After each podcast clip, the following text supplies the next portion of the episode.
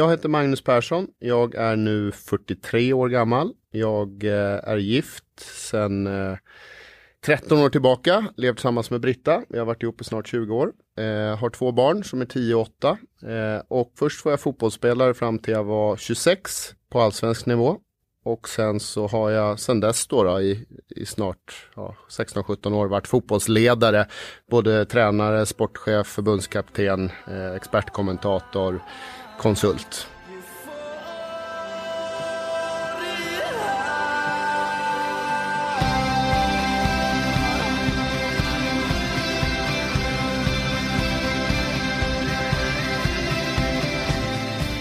Hej och välkomna till eh, FPS podcast. Petter heter jag.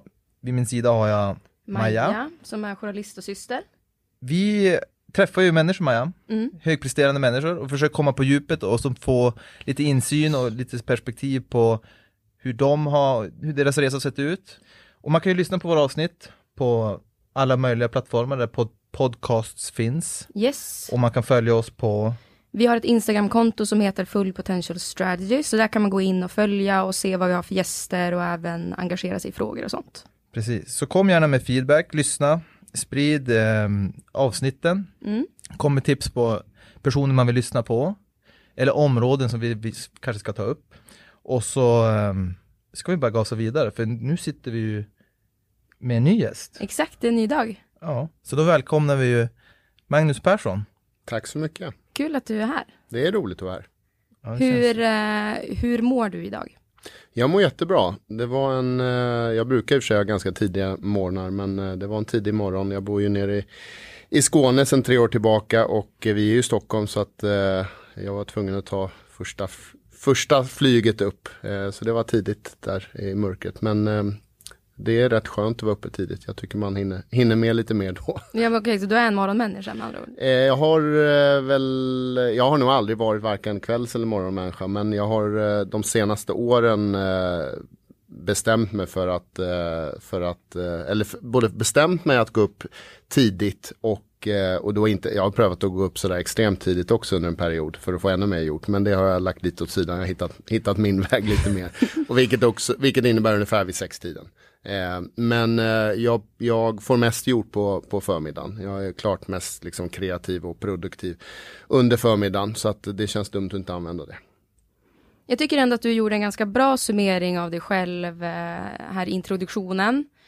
Men eh, de som kanske inte har så bra koll på vem du är och så, så kan vi bland annat nämna att eh, vi känner igen dig som fotbollstränare i Allsvenskan. Nu senast så var det Kalmar. Och i portfoliot så har du också en handfull av andra klubbar som Gais, eh, Danska Ålborg har du varit tränare för. Djurgården och Malmö tog du SM-guld med, var det 2017 va? Stämmer? Stämmer. Och inte att glömma förbundskapten för Estland. Mm. Det är ändå ganska häftigt. Men vi kommer att gå in ganska mycket på din roll som tränare. Men först så skulle jag också vilja gå tillbaka till den tiden då du var fotbollsspelaren, Magnus Persson. Mm. Blev det ungefär tio år som proffs? Um, ja, det blev det väl nästan. Uh, jag tror att jag tror att jag var ekonomiskt oberoende även om jag inte hade någon, någon Nej, det var fel. Jag var inte ekonomiskt oberoende, helt fel ord. Men jag, jag kunde leva på min fotboll och bodde själv och kunde betala hyra och sådär från jag var 17 när jag spelade i Djurgården. Eh, och sen så blev det ju nästan då, nästan tio år i och med att jag slutade när jag var 26 då. Eh, men det var ju, ja på det sättet hann man ju aldrig pika någon, någon karriär sådär utan man, jag, jag var ju som tur är nästan, förutom under mina skadeperioder som jag hade några stycken så var jag ju ändå ofta liksom en viktig och bärande spelare i, i mina lag då, då i, främst i Djurgården men var i Göteborg också en, en under två år. Eh, så att på det sättet hann jag ju liksom spela rätt många matcher även om jag, om jag slutade tidigt. Då. Du spelar ju som mittfältare. Jag ju, Stämmer. Ja, nej men jag är lite nyfiken för jag har inte riktigt koll på dig som spelare Magnus. Ehm, hur var du som spelare? Alltså vilken typ av mittfältare var du om man skulle försöka jämföra det med någon typ som vi kan, som man ser på tvn idag? Ja, det var väl två delar kan man säga. Fram tills jag fick, ehm, tills jag hade, jag, när jag var 20 gick jag till IFK Göteborg. Och innan dess var jag då i Djurgården och, och gjorde ju lite sådär allsvenskt genombrott då som, som 18-åring. Och då var jag ju mer en sån box till box mittfältare som plöjde fram och tillbaka. Liksom, ja, stor är jag ju nu, det var jag då också. Eh, runt 1,90 och liksom arbetade hårt eh, och, och, och kunde springa obegränsat mycket och var rätt sådär oöm och jobbig. Och, liksom hade, för min storlek och lite brunkighet så hade jag ändå en, liksom en, en rätt bra teknik eh, sådär. Eh, så att, ja, jag fick väl ut en hel del på det sättet. Då. Så att man kan säga att en bra beskrivning för dem, nu, om du inte kommer ihåg mig, eh, så Glenn Strömberg har du väl knappt sett spela. Men, äh, men, men om man säger när jag blev värvad till IFK Göteborg då på mitten av 90-talet, så var det ju liksom beskrivningen att det här är nya Glenn Strömberg i, i Göteborg. Då. Och den passade väl rätt bra liksom.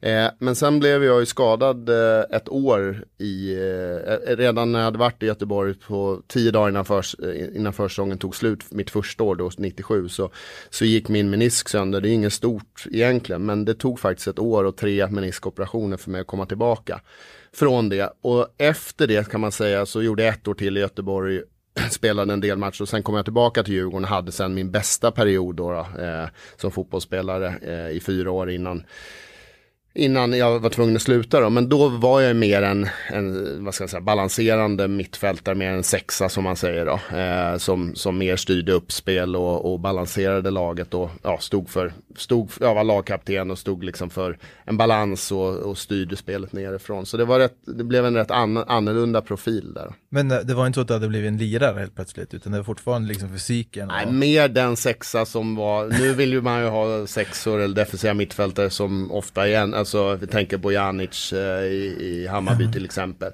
Det, det är mer, man letar mer den typen av spelare eh, nu ju. Men då var det väl någon som kunde se till att det var stängt liksom defensivt och liksom balansera laget. Och sen hade jag en bra passningsfot då, men jag var ju, i, med min storlek var jag ju inte sådär supersnabb liksom i vändningar och, och, kunde spela väldigt snabbt. Men, men jag spelade ju väldigt lågt ner i det Djurgården som, som var då. Det var ju, jag var ju med under en väldigt spännande tid i Djurgården. Vi åkte ur 99 eh, och sen så var jag med liksom och både byggde upp mig själv och min karriär och Djurgården från vinna superettan 2000, bli ledande i Sverige även om man inte vann 2001 mm. när Hammarby hade turen att vinna och sen så vann guldet då 2002 och sen, sen så forsade det bara på för, för Djurgården då. Jag blev tyvärr skadad där då, men, men eh, så för mig var det, det var en väldigt liksom intressant både personligt och fotbollsmässig utveckling ihop med föreningen. Men om du ska se dig själv då som tränare på ett ganska så objektivt sätt, om du ska lyfta styrkor och svagheter hos dig själv, vad skulle du nämna då? Eh, nej, men om man börjar med svagheter så är det väl att eh, jag eh, har en tendens att eh, i och med att jag har utbildat mig mycket och varit väldigt intresserad och varit väldigt driven så, så upplever jag att jag är ganska bra på många saker. Och då kan jag ha problem emellanåt att delegera fullt ut. Jag delegerar men jag, jag, kanske inte släpper det fullt ut för att jag, jag känner att det kanske finns någon, några timmar extra att göra på det här som gör att vi kan vinna nästa match eller träningstillfället blir, blir eh, Alltså jag blir lite för mycket expert i, i flera områden. Tills jag, alltså fram tills att jag känner att den här medarbetaren kan jag släppa jag, han, har, han har liksom överbevisat mig för att han kan göra det här minst lika bra som jag. Där skulle jag vilja delegera tidigare liksom. Eh, jag, eh, jag förstår, jag har, jag har stor förståelse för helheter men det blir en svaghet ibland därför att jag kan ibland göra det lite för svårt eh, för mig själv därför att jag, jag känner liksom att jag vill putta på så många ställen istället för att koncentrera mig på några få saker. Så det skulle jag säga så här, jag tycker jag är ganska duktig i de flesta delarna så, men det blir en, det blir en svaghet när man inte släpper liksom. Eh, styrkan är väl det liksom att jag jag har en jäkligt hög arbetsmoral, jag jobbar många timmar, jag, jag, eh, jag har genom mina, mina år, ja, men det är ändå drygt 15 år, även om jag är rätt ung, så har jag liksom jobbat rätt hårt, både som i min arbetsroll, men jag har också varit väldigt intresserad av att lära mig mer genom studiebesök, eh, ut, eh, utbildningar etc. och inte bara i Sverige. Så känner jag så här att i olika faser har jag blivit liksom jätte Eh, liksom fokad på fysiken eller den mentala delen eller det taktiska. Så att, så att ehm, jag, tycker liksom att det gör att, att eh, i de, de perioder där jag lyckas ha helikopterperspektiv och lyckas liksom sätta mitt team runt omkring mig så, så då, då, då kan jag fungera väldigt, väldigt bra. Liksom. Eh, men det är just den där att vara på, se till att liksom välja vilken nivå jag ska vara på. Ska jag liksom vara coachen mot den enskilda spelaren? Ska jag, ska jag leda det här teamet av, av tränare? Eller ska, jag, eller ska jag ha hand om den här taktiska träningen eller genomgången? Det är väl det liksom att, att hitta eh, när jag får ut det så tycker jag jag är skicklig liksom. men, men nackdelen blir när, när jag blir för insnöad på någon del. Men det känns ju som för just delegering är väl, alltså man tänker ledarskap, för alltså som återigen, alltså när man du hade en period där du läste väldigt mycket som jag förstod det om personlig utveckling och mm. som även psykologi och sådana här bitar. Och så som i fotboll idag så handlar det ju väldigt mycket om ledarskap tänker jag. Och där är väl alltså en sån sak som att kunna delegera mm. är ju superviktigt då. Mm. Men alltså vad, alltså som, är det för att det finns, är det för att som tränarstaberna idag i Sverige då, att de är för små, att det gör liksom att man har den, man känner att man behöver liksom involvera sig i massa olika områden eller är det bara för att du känner själv kanske att du har nästan lika mycket kunskap om det som den personen som ska vara ansvarig för det? Eh, nej men jag tror att det handlar om, eh, för min, i min, eh, liksom, det beror på vad man har varit. Om man tar min tid i MFF så, så kände jag liksom att eh, där kom jag till en organisation som var väldigt, väldigt stark. Och det visar sig ju, jag menar, nu har ju Ove lämnat också så nu blir det ju femte tränaren på fyra år eller vad det är liksom. Men ändå så, eller fjärde tränaren på fem år. Men ändå så vinner man guld och går till Europa och så vidare. Och det beror just på att den organisationen är så bra. Så när jag kom dit då kände jag ju så här, då kunde jag vara väldigt liksom spetsig i, i det jag skulle göra. Eh, och sen när jag kommer till Kalmar då var det en annan historia där man kommer och ärver egentligen väldigt mycket en stab som inte har samma, vad ska man säga, eh, har jobbat i samma kultur som jag har gjort de senaste åren eh, och ja, samma nivå på det sättet. Och då känner man så här, här vill jag förändra och man kan inte byta ut alla men jag behöver liksom testa vem kan vara med på resan för det var ju tanken att vara en väldigt långsiktig resa.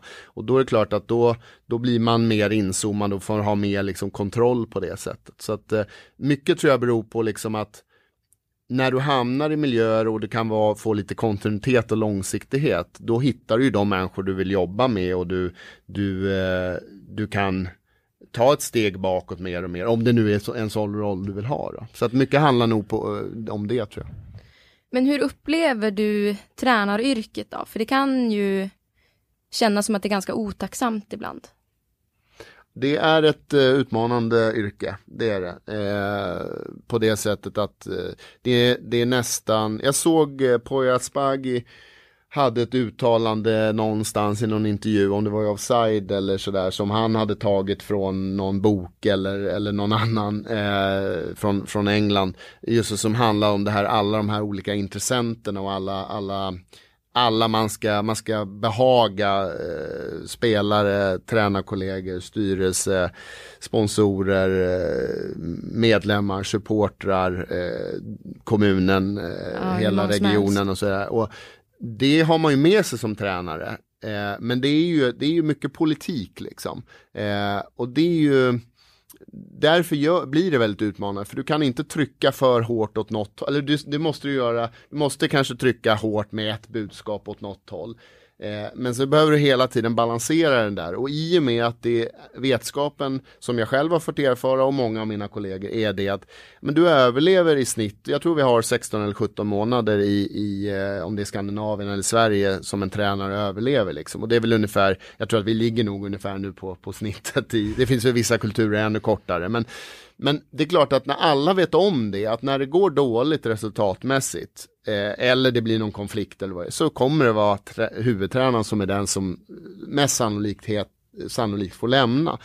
Och det, det gör ju liksom att det blir ju en oro Eh, och du, du, eh, alltså inte, inte just hos, ja, det kan finnas hos tränare och mig själv också. Men det gör ju liksom att det finns hela tiden en, någon typ av maktbalans mellan alla de här som gör att man det finns vissa miljöer som har kommit förbi det och då kan man då blir det en annan trygghet och man alla kan liksom, man kan ta mer beslut eh, utifrån en enad, ja men från styrelse och ner till ungdoms, eh, ungdomssektionen så kan man liksom, ja men det, det, är det här vi står för, det är det här vi gör, ibland går det lite bättre, ibland lite sämre, men på många ställen så är det väldigt mycket att man är rädd för att skydda sin egna position på olika nivåer. Ja men du får prata om trygghet där då, mm. alltså, för, för det känns ju som en, alltså som upp ja, men upplevelsen måste ju vara ganska, om statistiken säger att liksom, ja, men 16 till 18 månader säger vi, det är liksom medellängden man är kvar i en fotbollsklubb som fotbollstränare. Mm. Bara det är ju en stressfaktor. Mm. Och så sen så utöver det så ska du då som leverera ett resultat som du får från en styrelse eller en klubb, liksom ett företag. Och du ska få med dig spelarna på en spelidé och liksom, alltså det är så många olika faktorer. Så som, vad hade varit hur vill man ha det som tränare? Om du vill ha en trygghet, vad är, alltså, vad är trygghet i en tränarroll liksom?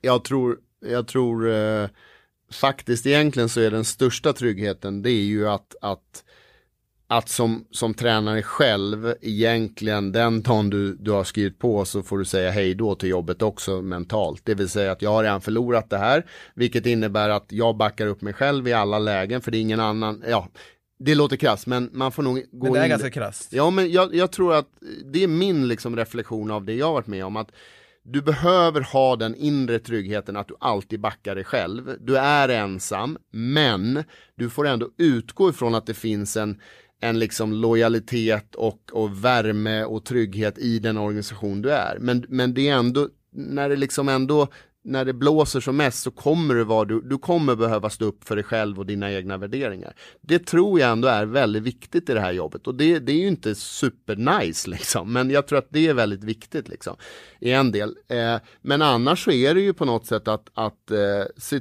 se till att att man i föreningen har en bra kommunikation och där styr man, man måste liksom hamna närmare Styrelsen måste vara närmare sportchef och tränare för att förstå deras vardag. Där upplever jag att det brister rätt ofta. Eh, där, där liksom man när inte den förståelsen finns för de här besluten och för var man är, sen kan inte, ska inte styrelsen vara operativ, men de behöver känna pulsen som, som gör att, för när det blåser så blåser det mot, sen mot styrelsen. Och där, där, när inte den närheten finns eh, och det finns en liksom relationer och, och, förståelse på var exakt vi är på väg. Då blir det kanske en ny situation för någon som sitter i styrelsen som aldrig har upplevt den pressen på att nu ska någonting ske. Och det är nästan alltid där det sen blir till ett beslut att nu får tränaren lämna. Så att jag tror liksom att komma in i, som tränare, komma in i miljöer där man känner att tydligt vad, vad är målsättningarna och, och, en idé om hur det här ska genomföras från styrelse och hela vägen ner. Och sen så är det bara liksom tuta och köra. Men är det inte alltid så det läggs upp från början tänker jag? Alltså som Jo. alltså jag bara, jo, utan att ha den insynen. Så, så. är det. Så är det. Men, men sen... någonstans så ja, men, byter man kanske en riktning för att resultat inte är ja. precis så som man hoppas eller man, man lyckas inte slussa igenom kanske egna talanger som planen var eller och då mm. byter man strategi och då hamnar man i någon slags konflikt där någonstans. Mm. Eller? Jo, nej men så är det och jag menar det är bara att titta på alla de, det finns ju massa goda exempel där man eh, har lyckats bra med det här i svensk fotboll. Det finns ju, men allt handlar ju, alla de goda exemplen är ju att man, eh, vad ska man säga, har eh, vad ska jag säga, målsättningar och förväntningar som man, som man lyckas nå upp till. Så länge man lyckas nå upp till dem och då kanske det beror på att man har lite mer nyktra eh, målsättningar som man har lyckats kommunicera också.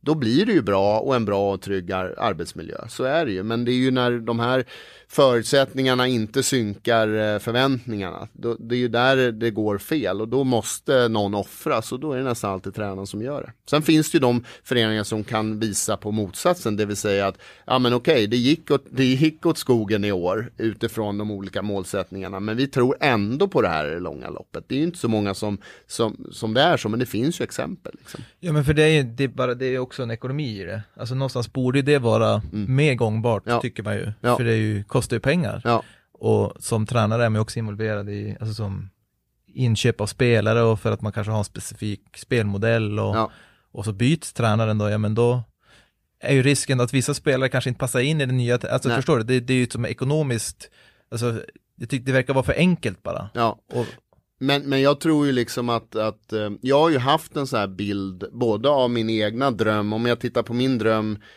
eh, eller dröm, min, min liksom plan framåt när jag blev, eh, fot, eh, liksom, gick från tränare till, till ledare. Då hade jag en bild av att och, liksom, jag skulle vilja bli manager, alltså det vill säga ha den här kombinationsrollen. Och den har jag ju haft, eh, jag hade den i, i eh, Geis, jag hade den i Åtvidaberg, mitt första jobb, delvis i Sirius kan man säga i Geis inte i Ålborg och sen när jag kom tillbaka till Djurgården fick jag ju den rollen väldigt så här formellt och nu i Kalmar så från sommaren hade jag egentligen den rollen även om jag inte hette den titeln. Um, så men jag börjar mer och mer tro liksom att att så fotbollen är och så liksom miljön är så är det nog så att, och det ser man också tendensen ute i Europa, så är det ju de här director of football eller sportchef eller technical directors, det är de som som inte har ansvaret för laguttagningen och så vidare, som kan driva de medel långa och långa liksom, eh, visionerna och, och planerna. Eh, och att vill, jag tror att man får göra upp med sig själv, eller jag får göra upp med mig själv. Vill jag vara tränare, då är det som vi pratade om, krasst göra resultat, eh, stå upp för sig själv, tro på det hela in i väggen och så vet man att man blir offrad. Eh, beroende, på, och så, beroende på vilken miljö man är så kan man få längre tid eller mindre tid. Och vill man mer jobba med de andra sakerna så ska man liksom ta det steget och jobba mer i, i den andra strategiska rollen. Liksom.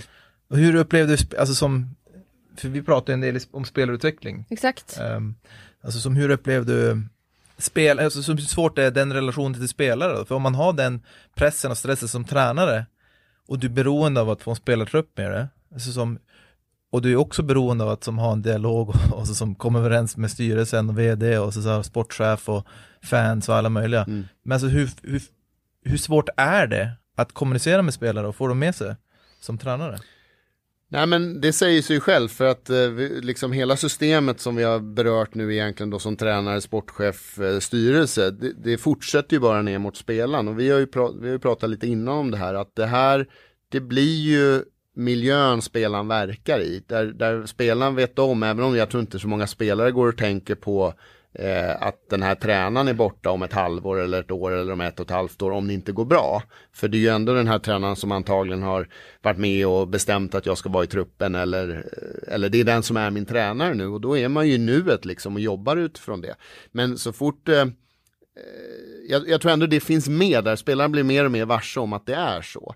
Eh, och jag upplever ju att i huvudtränarrollen så är det så är det svårt att driva långsiktig utveckling med spelare på grund av det här att dels sin egna roll men också att jag pratar lite om det här att just när du är den som bestämmer om du, sitter, om du spelar, sitter på bänken eller är utanför truppen så, så blir det sådär att det är klart att du, du, du, kan hitta spelare som är utanför laget, startelvan. Framförallt de yngre som är på något sätt har väldigt stor rollacceptans för att jag är tacksam för att vara med, jag ska utvecklas, jag ska ta steg. De upplever jag som huvudtränare att det är ganska, där kan man driva mer en långsiktig utveckling och ha det här utbytet och liksom ge de här tipsen och ha de här utvecklingssamtalen för att man är väldigt tacksam att huvudtränaren ser mig och vill få mig framåt i hierarkin, så kan man säga. Samma sak gäller ju de spelare som spelar regelbundet. Där blir det ju mer hur utvecklar vi laget mest? För det är ju ändå det som, som huvudtränare, det är ju liksom Ska, om huv, huvuduppdraget är att göra resultat, vilket ju alltid är för alla huvudtränare, även om utveckling är också en stor del för att nå resultatet. Ja, hur når vi det? Då handlar det om att laget ska prestera så bra som möjligt. Och det vet också alla om som håller på med fotboll att de lag som presterar bäst, det är de där nästan vem som helst kan säga startelvan innan de kommer till matchen. Eh, med, ja, spela han eller han, men till tio elftedelar så är det ett fast lag som har lärt känna varandra. Och där spelarna själv kan börja äga liksom spelet. Och, och, och ju mer kemi det kommer, ju, ju bättre blir laget. Och det, då blir det ju så att du kan inte du måste skapa kontinuitet i en startelva som tränare så mycket du kan. Sen finns det så här, när man spelar tätt så kan det bli rotation och du behöver liksom ta hänsyn till belastning. Men annars så är det ju liksom det som är, blir viktigt. Och det gör ju att du kommer ju ha ett spelare, beroende på hur din trupp sammansatt, så kommer du ha ett antal spelare. Och förhoppningsvis inte de för många, men som hamnar i ett läge där man hamnar som huvudtränare tillbaka där med coachingen. att Ibland spelar de, ibland spelar de inte. Och där, där blir det på något sätt så här, du kan ju ha framförallt under försäsongen väldigt bra då, det här ska du fokusera på, det här är viktigt, det här är din roll, här konkurrerar och du, du liksom innan det har satts på sin spets om du spelar eller inte spelar så kan du ha väldigt bra utveckling med de där spelarna som huvudtränare också. Men de gångerna när du har börjat välja bort den spelaren så blir det en distans därför att spelaren känner inte sig sedd för att den blir inte uttagen. Det, då, blir, då upplever jag som tränare, det kanske är mitt huvud, men jag upplever att du får liksom en distans till spelaren som gör att det du säger, du får börja vakta dina ord för att du får, du får inte säga saker som blir ett löfte till en spelare. När jag egentligen vill utveckla dig som spelare, det vill säga att det här och det här ska jag göra, ja så känner du som spelare, men det här gör jag nu. Ja, det, det, gör du, men det är fortfarande så att jag tycker den där andra spelaren är bättre. Och då börjar man tappa kan jag känna ibland, man börjar tappa de spelarna på vägen, att de känner, oh, men okej okay, jag får, men det är bara ord. Det blir ju inte handling för att jag får ändå inte spela. Och då kan man säga så här, då blir, då blir din roll som huvudtränare, eh, du har en relation men du tappar lite av den här som jag upplever när jag var förbundskapten om jag ska ta det. Då upplevde det var den, mest, den roligaste rollen. För då kunde jag, visst jag skulle ta ut folk till ett landslag, eller spelare till ett landslag. Och det är klart att när de kom till landslaget under de där tio dagarna eller veckan. Det är klart att man kunde bli besviken om man inte fick starta. Men samtidigt var ju ett år av där allt annat var ju bara att liksom bekräfta, coacha, finnas där för spelaren. Och då hade jag enorm input på spelaren även om jag inte tränade spelarna i vardagen. Därför att då fanns det inget filter, det var bara liksom positiv input från någon som kunde fotboll och som dessutom var liksom förbundskapten. Men så fort du kommer in i huvudtränarrollen så, så blir det liksom under ett år så blir det några spelare du kan vara jättenära och sen blir det några som, som på något sätt inte lyssnar och då får de också, upplever jag, mycket input från sidan, från andra agenter, familj, vänner, eh, eventuellt egna coacher och så känner man att det där filtret blir lite för stort emellanåt. Men det, ja, ja. Nej men jag tänker, när du, när du säger att det är vissa spelare som man kanske satsar lite mer på, mm. vad är det du som tränare då tittar på som bara okej, okay, de kommer jag att fokusera lite mer på än på några andra? Nej, jag, jag, tror inte det blir, jag tror det blir automatiskt därför att vi spelar då varje helg eller liksom en Jag tänker om det är så att du har någon filosofi som hur du, vad är det du tittar på eller? Ja, men det blir ju utifrån eh, utifrån, ja, vi, så här ska vi spela, så här ser rollerna ut, eh, vem passar bäst till den, vem, vem är bäst i den rollen. Det är, ju, det är ju en del och sen är det ju såklart liksom, sen finns det ju sådana här liksom värderingar då, liksom vilka jobbar hårt, vilka, ja, men vilka gör det som, så som jag vill att laget ska fungera. Så att, eh... Men vad, om du skulle säga, vad är en talangfull fotbollsspelare i dina ögon? Ja, det är ju någon som är, som är beredd att, att träna mycket och eh, rikta sin träning på, på rätt saker och är då i det mottaglig för vad vad man som tränare eller, eller förening, eh, hur man vill spela fotboll och vad, vad ingår då liksom. För att bli bättre och kunna tillföra. Så det, det är den största talangen. Jag menar, det tycker jag det tycker jag, det känns som att det har nog de flesta som har intresserat sig för liksom utveckling förstått att talang är ju någonting, det, det, finns, visst det finns medfödda gener som gör oss bättre lämpade för olika saker, men alla kan bli väldigt bra på någonting om man bara liksom väljer att träna mycket och träna på, på rätt sätt och då behöver man ofta någon typ av handledning. Alltså det är ju, ta, alltså talang är verkligen, alltså så för mig så är det ju, men alltså det är, det är ju skallen, alltså som, därför det är någonstans där man bygger upp dels visioner, man bygger upp liksom handlingsplaner, man, det är där man, liksom det där hindren finns, för där kommer också rädslor och, och så, sådana slags utmaningar in också, så att det är ju det är ju den största liksom, avgörande faktorn. Någonstans mm. är ju no det som man kanske tycker fattas då mm. i fotbollsbranschen, ja. upplever jag. Alltså ja. nu när man gör det man har gjort, gjort, eh, ja nej, men i de senaste tre åren, mm. eh, så saknar man ju det i fotbollsbranschen. Och framförallt tycker jag att man saknar en, alltså, som en ärlighet mm. mot spelarna många gånger. Att man vågar kanske inte vara den här man vågar inte säga exakt som man tycker och tänker till spelarna för att man är rädd kanske för att det är lite grann som du är inne på, tänka att man måste vakta sina ord. Mm.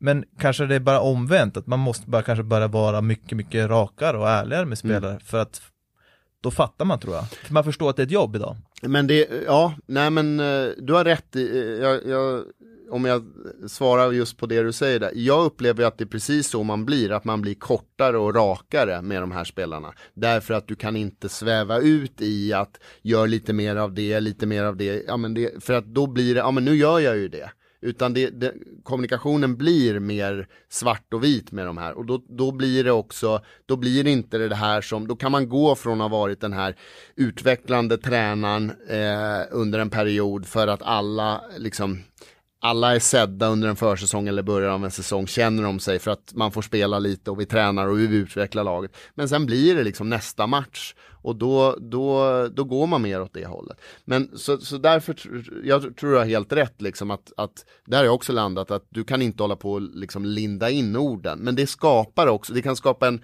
visst jag är tydlig, men det blir inte den här coachingen som, som jag tror ändå alla spelare behöver. Men där i så tror jag liksom att det du säger att det du gör nu och är, är liksom i starten av att ha börjat med det, det kommer vara ett jättebehov. Vi har ju träffats och pratat om det här, för jag, jag, är liksom in, jag tror att den delen, det behövs, det är ett stort behov för spelarna att få det. Och det kan ju gå på två vägar. Det ena men nu, är ju att... Visst, förlåt, avbryter mm. men det ni pratar nu om så individuell coaching ja. och utveckling, eller ja, hur? Ja, precis. Och det kan ju gå på två vägar, eller säkert flera, men det ena är ju att det, det blir då människor som du som, som, som, eh, som spelarna externt har som sitt bollplank och som ser till, som är skickliga, utbildade och kan liksom hjälpa och kan göra ett jättejobb för spelarna. Som underlättar för föreningarna och klubbarna och tränarna därför spelarna är mer fokuserad på att bli bättre varje dag och, och liksom må bra och fungera.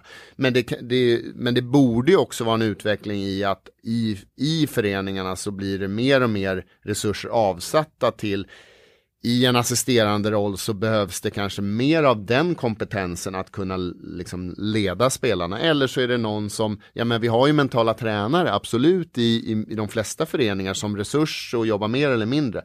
Men jag, jag tror man skulle liksom tjäna på att antingen det är ett team av, av kunskaper både från liksom tränarhållet eller, ja, eller från mentala tränare som tillsammans hjälper till med spelarna. Eller då att det blir vad ska man säga, att det blir den kompetensen som, som du jobbar med finns i föreningarna. Men det svåra, för jag har tänkt mycket kring det här som vi pratar. Det svåra är ju liksom att fördelen för en spelare att ha någon, när det kommer någon utifrån, det vill säga som inte har någonting med föreningen att göra, så kommer det vara mycket starkare för spelaren. Därför att det enda agendan som, som, som ni har i era samtal, det är spelarens bästa. Och så fort det finns i föreningen så blir det ändå det här det, det försvinner människor, det handlar om, alltså alla säger ju föreningen är störst, ja så är det, vilket innebär att det blir inte till 100% för spelaren, det blir till 90% men kommer alltid vara starkare din röst från sidan.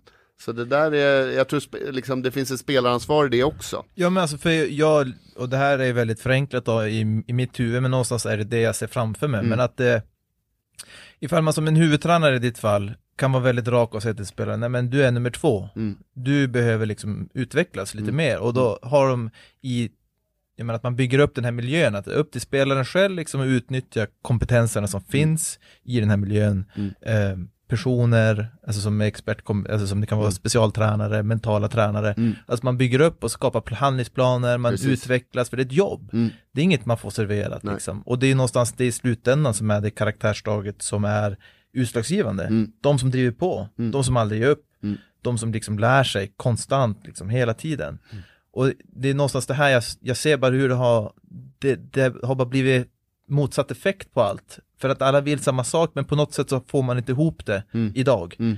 Men jag ser bara hur man på ett ganska, ganska enkelt sätt, i min värld åtminstone, skulle man kunna lösa det och Absolut. skapa ett mycket mer utvecklande klimat. Ja, Nej, och jag menar där, jag, jag ser... Och för att som en sån mm. som huvudtränare, mm. alltså, som kunna inte behöva bry sig kanske om, utan verkligen bara kunna fokusera och nischa in sig på att vi ska, vi ska skapa ett resultat ja. med de bästa spelarna. Ja.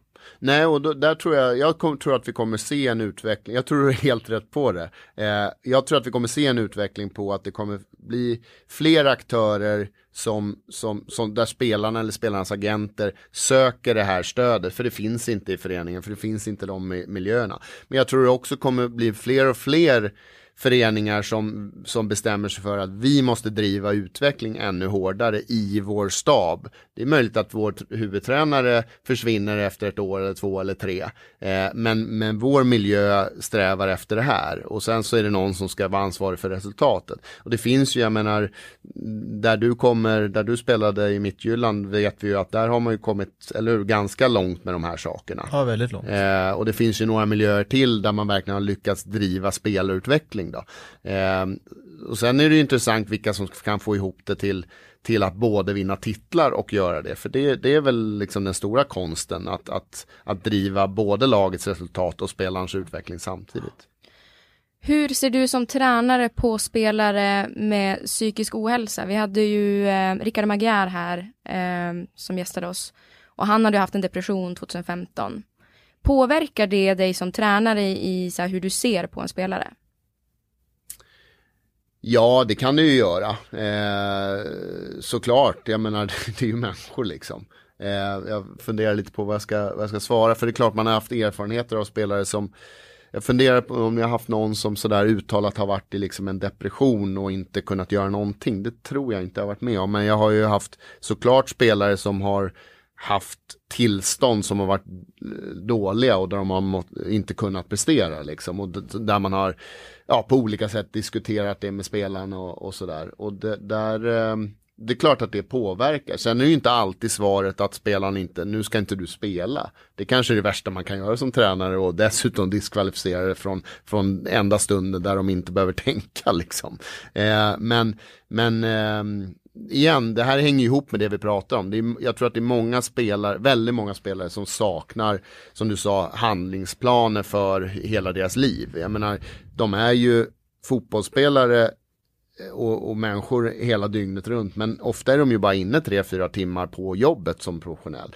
Och det är klart att det finns ju massa att göra där hur man ska må bättre och fungera bättre. Hur tydligt ser man då på en spelare som inte är i balans kanske, som påverkas extra mycket av en stor match eller som tränare liksom? Jag kan tänka mig, du har ändå ett ja. ganska mäktigt ja. perspektiv på... Ja. Nej men det är ju, alltså det är ju kroppsspråket väldigt mycket. Alltså, ofta är det ju ett, ett undvikande beteende på, på något sätt. Liksom. Eller att man ser att det finns en väldig, väldig liksom eh, Eh, spänning i kroppen eh, som, som gör att man märker, alltså, och andningen kan vara liksom när man pratar med att man känner att de pratar liksom uppe i halsen och så vidare. Så att eh, så det tycker jag är ganska lätt att se liksom. Så, däremot är det, eh, det, är ju, det, är ju, det är lätt att se men sen ska, sen ska det ju då finnas resurser för att ta hand om det. För det är klart att där sitter ju man ju sällan i tränarteamet det, man blir ju liksom även om man har någon i tränarteamet eller jag själv som har liksom gått en del utbildningar inom liksom mental träning och så vidare så är ju fortfarande jag inte expert på det så man måste ju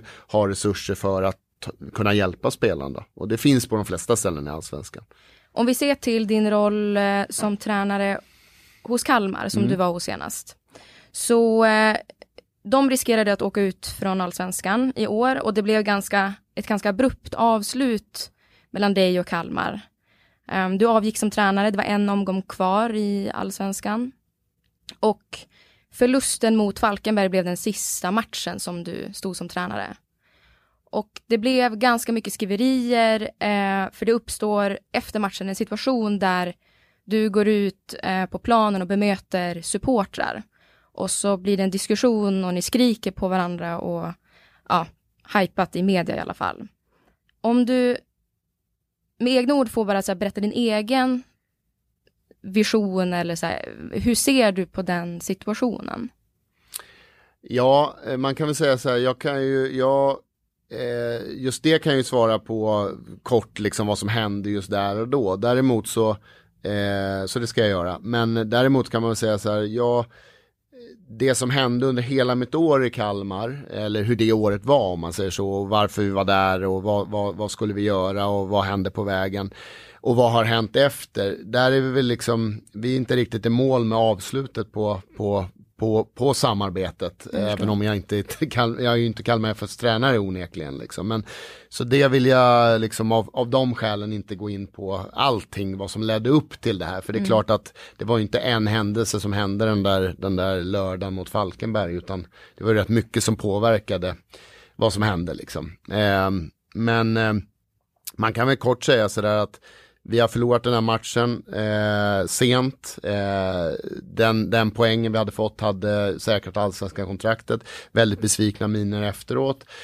Får vi liksom försöka få upp spelarna på, ja, de är, ju, de är ju totalt, alltså alla är förstörda såklart när vi kommer in i omklädningsrummet. Så vi har ett snack där, sen kommer jag in i ledar omklädningsrummet och då kommer säkerhetschefen väldigt stressad och säger att fansen eh, och supportrarna är här ute. De, behöver, de, de vägrar lämna arenan och de kommer, de kommer eh, storma arenan om inte du kommer ut och pratar med dem.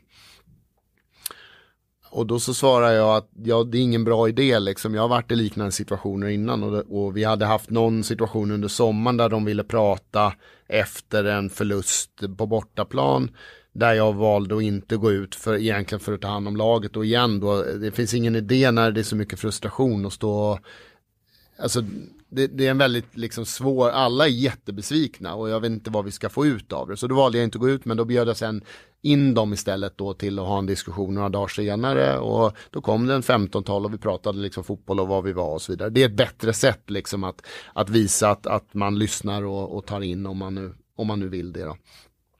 Så jag sa det att det, kommer, inte, det kommer bli ännu sämre den här gången då. Eh, och i det där rummet sen då när jag hade sagt att jag inte ville och inte tänkte göra det när, om man säger hela ledningen är där, så blir det på något sätt som en, som en, eh, den tystnaden i rummet och att ingen lämnar den blir ungefär som att man är rädda och vill att jag ska göra det här ändå. Eh, vilket hänger ihop lite med hela ledarskapet under året. om man ska vara lite diffus sådär. Eh, och till slut så blev jag, blev jag riktigt irriterad. Eh, och, eh, och sa det att eh, men då får vi gå ut då i och med att vi fortfarande sitter här trots att jag vid två tillfällen nu har sagt i det här rummet att jag inte tänker gå ut. Men om det är, om det är föreningens vilja att jag gör det, då jag är anställd liksom, då, då får vi göra det. Och nu säger inget, ingen, ingen någonting och då, då tolkar jag det trots allt att vi ska gå ut. Och då gick det ju väldigt snabbt till att vi gick ut då, så att jag hade väl tolkat situationen rätt då. Men det är klart att jag går ju ut i en, i en rätt stor irritation liksom så, eh, inte mot de som är där ute utan mot vad som hade hänt liksom.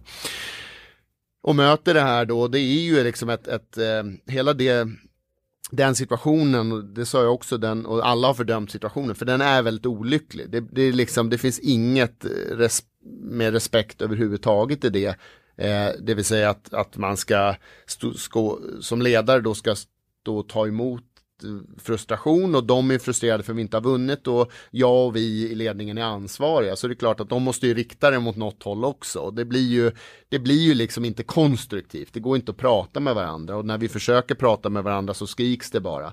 Och till slut så blir det egentligen i det där att, att eh, i det sinnestillståndet jag var när jag gick ut och, och liksom aggressioner mot, mot andra så till slut så kände jag så här, ska någon lyssna på vad jag säger så får jag skrika tillbaka nu och så är det framförallt en person som jag liksom har känt att vi har liksom inte klickat på ganska länge så det är egentligen han jag riktar mig mot. Och så blir det det vilket ju liksom men vad är det för frustration som kommer ut när du ja, skriker och liksom så försöker Nej, kommunicera det, det som med... triggar mig där och då, eh, liksom i det, det är ju en upparbetad frustration över lång tid, över många saker. Som mm. sa, jag vill inte gå in på alla saker. Nej. Men sen är det ju också då att attacken som kommer från dem som triggar mig, det är ju attacken på spelarna, där de säger att de inte gör sitt bästa, de jobbar inte och så vidare. Och då har vi liksom Eh, och där är man ju som tränare har lärt sig från första stund att man står alltid upp för sina spelare. Det är liksom det viktigaste som ledare, att, att skydda dem. Liksom. Och det är väl det som får mig där att, att ändå liksom bli tappade. Och det kan man ju säga liksom att det är inget bra liksom. Och, och jag, jag är inte stolt över det så. Eh, men däremot så är ju hela liksom beteendet det här att, att det ska vara okej okay att stå och skrika alla saker man har, liksom rädslor och frustrationer och hat och allting. Det ska man kunna rikta mot människor som är ansvariga, tränare, ledare för det laget man håller. Det, det, det är liksom, jag köper inte det i det stora, det, det, det formatet och det hatet. Och, och sen liksom rann det över i det läget då. Så att det var, det var inget bra alls liksom. Och så filmas det ju också och läggs ja. upp liksom och ja. blir en, ja. Eh, en, Nej men så är det liksom. på Nej, och så kan man ju säga det så, ja då får, blir det riktat mycket kritik mot mig i det liksom då. Och det kan jag förstå liksom, för det är inte, det är inte ett bra ledarskap. Samtidigt så får ju, igen som jag sagt, att man får ju också se sig själv i spegeln. Det står hundra stycken och beter sig så här, eh, liksom mot, mot en. Mm. Eh, är det okej okay då liksom?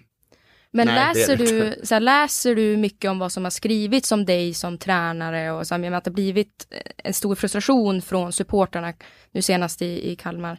Har du som eh, läst och lyssnat eller jag, men, jag vet inte hört vad de tycker och tänker om dig? Ja, Lägger du ett värde i det? Alltså jag är ju inte inne på forum och sådär och läser. Däremot Nej. så har liksom, det är klart att man följer med eh, i och med att lokalpressen i det här fallet, Barometern som det heter nere i Kalmar, har ju liksom har ju en rätt stor påverkan på folk som bor i Kalmarregionen och håller på Kalmar FF. Kalmar FF är väldigt stort där nere liksom. Eh, och eh, eh, Eh, det är klart att då har man ju man har ju lärt känna de som jobbar där i och med att de följer laget varje dag. Och det är klart att man jag då har hängde med, nu gör jag inte det, nu är det liksom ett men det är klart att man, man det blir en viktig liksom del av ens, ens vardag att se vad som händer och står och det påverkar väldigt mycket. På vilket sätt då? Ja men alltså det media skriver och framförallt då en, en, ja all media men här blir den väldigt nära så påverkar den väldigt mycket uppfattningar och, och, och åsikter det som står där. Eh, så de har en väldig makt i det. Men har du förändrat din egen åsikt om dig själv eller kan du som distansera dig från kritiken på något sätt? Eh, ja, hur menar du? Nej men att får man mycket kritik och det sägs ja. så, alltså, elaka saker och många åsikter om hur man är som människa i sin eh, tränarroll.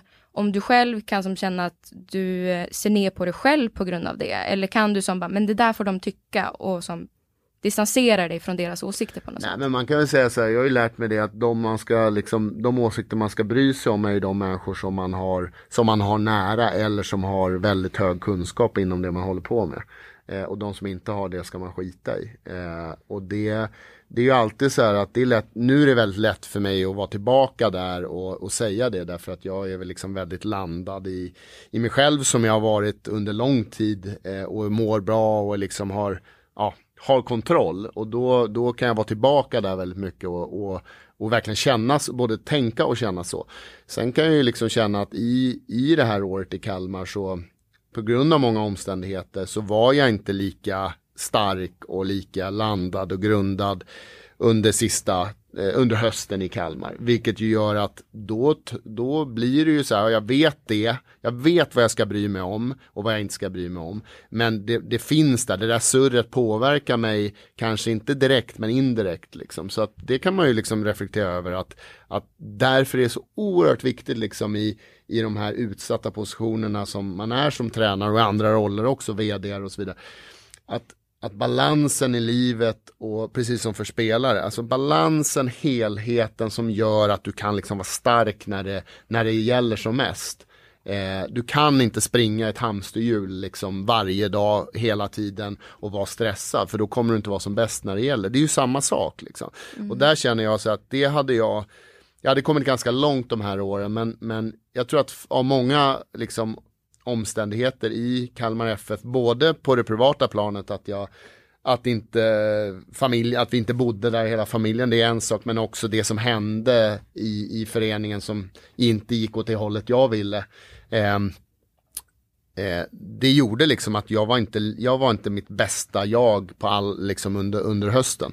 Eh, vilket gjorde att jag kanske inte kunde liksom hantera det så bra jag hade hanterat det i det sinnestillstånd jag är idag. Liksom. Egentligen bara en sista fråga angående, eh, för att 2013 så, för du var ju tränare för Djurgården och 2013 så avgick du på grund av hot mm. eh, från supportrar.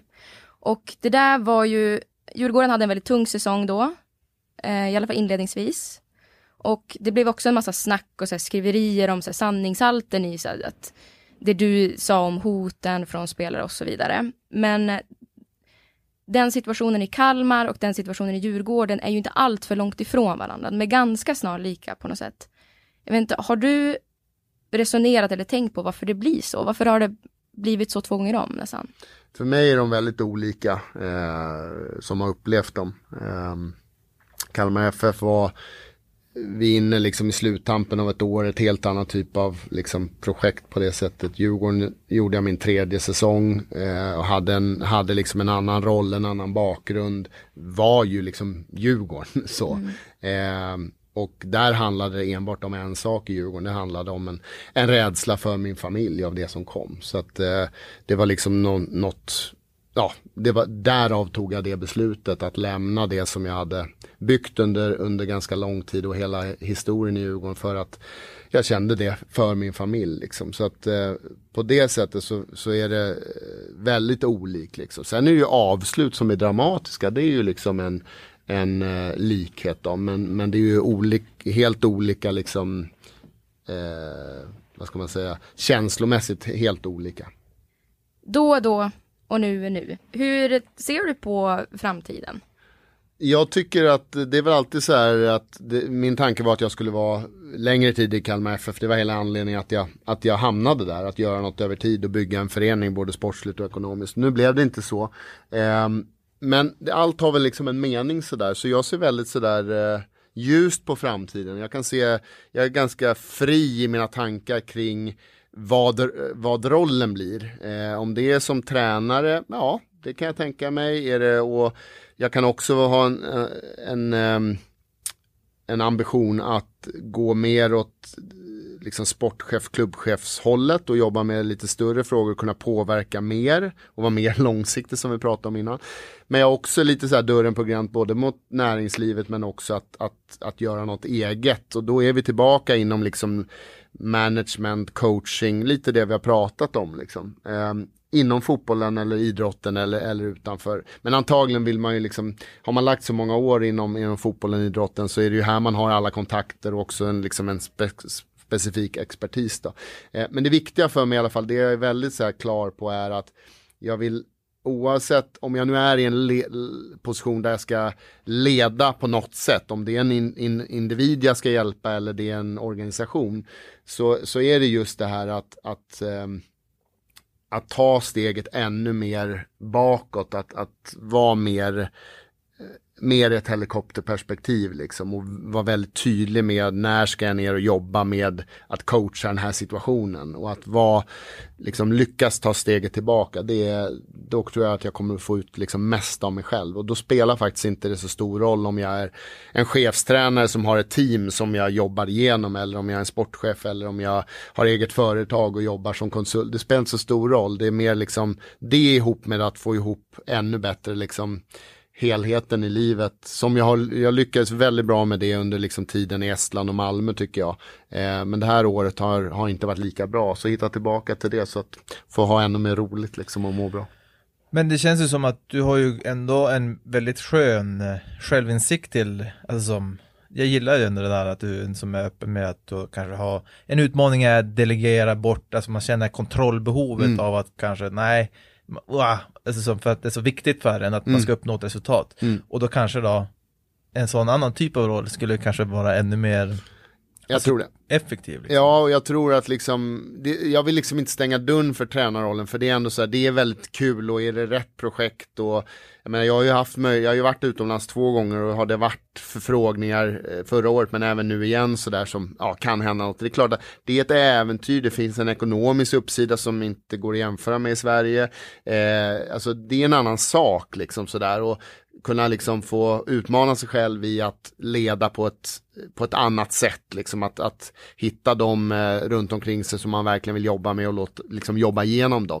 Det är attraherande, av, men jag, jag, jag kan ändå som du säger, jag kan ändå känna en, en, attraktion kring just det här att inte ha nästa träning, nästa match, utan att kunna, kunna zooma ut lite mer och, och, och hitta på något sätt en, en mer långsiktighet i sakerna. Det, ja det lockar, det får jag säga. Ja men att få den här tryggheten ja. kanske som du ja. var inne på tidigare, att, man, att man kan få leva ut en eh, en vision och ja. en teori och liksom så här, ja men all kunskap du byggt på det, både ja. som fotbollsspelare och nu tränare i ja. 15 år. Och så behöver det inte levereras på det sättet eh, varje helg eller varje dag så, i, i, en träning utan, utan kunna liksom ha mer pikar under året. Det, det var ju liksom spännande när man var förbundskapten, då fick man ju lite av det där. Mm. Eh, Nej, men sen har det ett perspektiv med familjen att göra också. Liksom. Det, det, det märker man hur man ändrar sig liksom idag jämfört med både fem och tio år sedan. Nu när barnen är etablerade i en skola med vänner, hela familjen med, och så vidare. Det, det, det behöver man värdesätta också. Liksom. Eller jag känner det, liksom, att det, det, man vill inte missa de här åren. Så att eh, man vill få ihop det helt enkelt. Men hörni grabbar, vi måste eh, avrunda. Mm. Men innan du går och innan vi tackar för att du har kommit hit så eh, har du någon låt som du lyssnar på eh, eller som vi skulle få kunna ta med oss nu här i, i podden för att känna oss som Magnus Persson? Eh, ja, det blir ju gamla då i så fall. Den, jag visste ju att den här frågan skulle komma men Ja. jag har inte tänkt på den ändå. Liksom. Eh, den låt som har varit med mig, som var, det är väl mer en låt så här från när man tog studenten och var runt 20, det var faktiskt Mr Jones med Counting Crows. Den tycker jag fortfarande väldigt mycket om. Alltså man försöker sätta sig in i Magnus Persson för en dag och så spelar man Mr Jones, vart står man då? Står man i omklädningsrummet? Nej, alltså Eller är det, är mer mitt, det är mer mitt gamla jag Ja. som, som jag gärna liksom sådär kan bli nostalgisk kring. För att eh, eh, ja men just så här när man var runt 20 och det som, det som hände då. Men det är fortfarande en fruktansvärt bra låt. Och Counting Crows har en låtskatt tycker jag liksom. Om man gillar lite amerikansk rock liksom så. Snyggt, Vi köper den. det kör vi på. Tack snälla Magnus för att du har varit här och lycka till med allt du tar an. Almost